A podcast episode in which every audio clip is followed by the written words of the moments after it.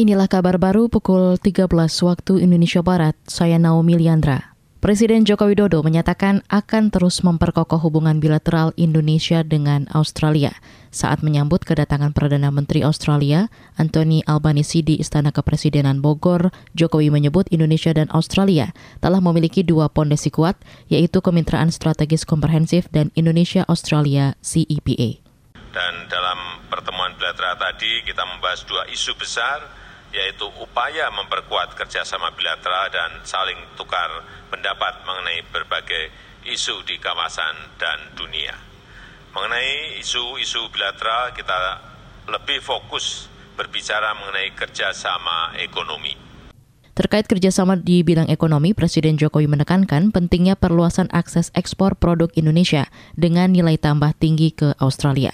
Jokowi juga ingin agar implementasi kerjasama ekonomi Indonesia-Australia CEPA, terutama terkait kesempatan WNI bekerja di Australia dapat ditingkatkan. Komisi Pemberantasan Korupsi KPK menetapkan dua tersangka korupsi di proyek pembangunan gereja King Mimiles 32 Kabupaten Mimika, Papua. Juri bicara KPK Ali Fikri dalam keterangan tertulisnya hari ini mengatakan KPK akan memanggil dua tersangka pekan ini. Keduanya berpeluang langsung ditahan penyidik lembaga anti rasuah. Dalam kasus ini, KPK menduga bahan material yang digunakan membangun gereja tidak sesuai spesifikasi dan menyampingkan aturan-aturan hukum. KPK menduga ada keterlibatan Bupati Mimika periode 2014-2019 Eltinus Omaling dan menimbulkan kerugian negara sebesar 21 miliar rupiah lebih. Kita ke berita luar negeri. Kebakaran di depot kontainer di Bangladesh telah menewaskan sedikitnya 49 orang, termasuk 9 petugas pemadam kebakaran. Selain itu, sekitar 100 orang luka-luka dalam insiden ini.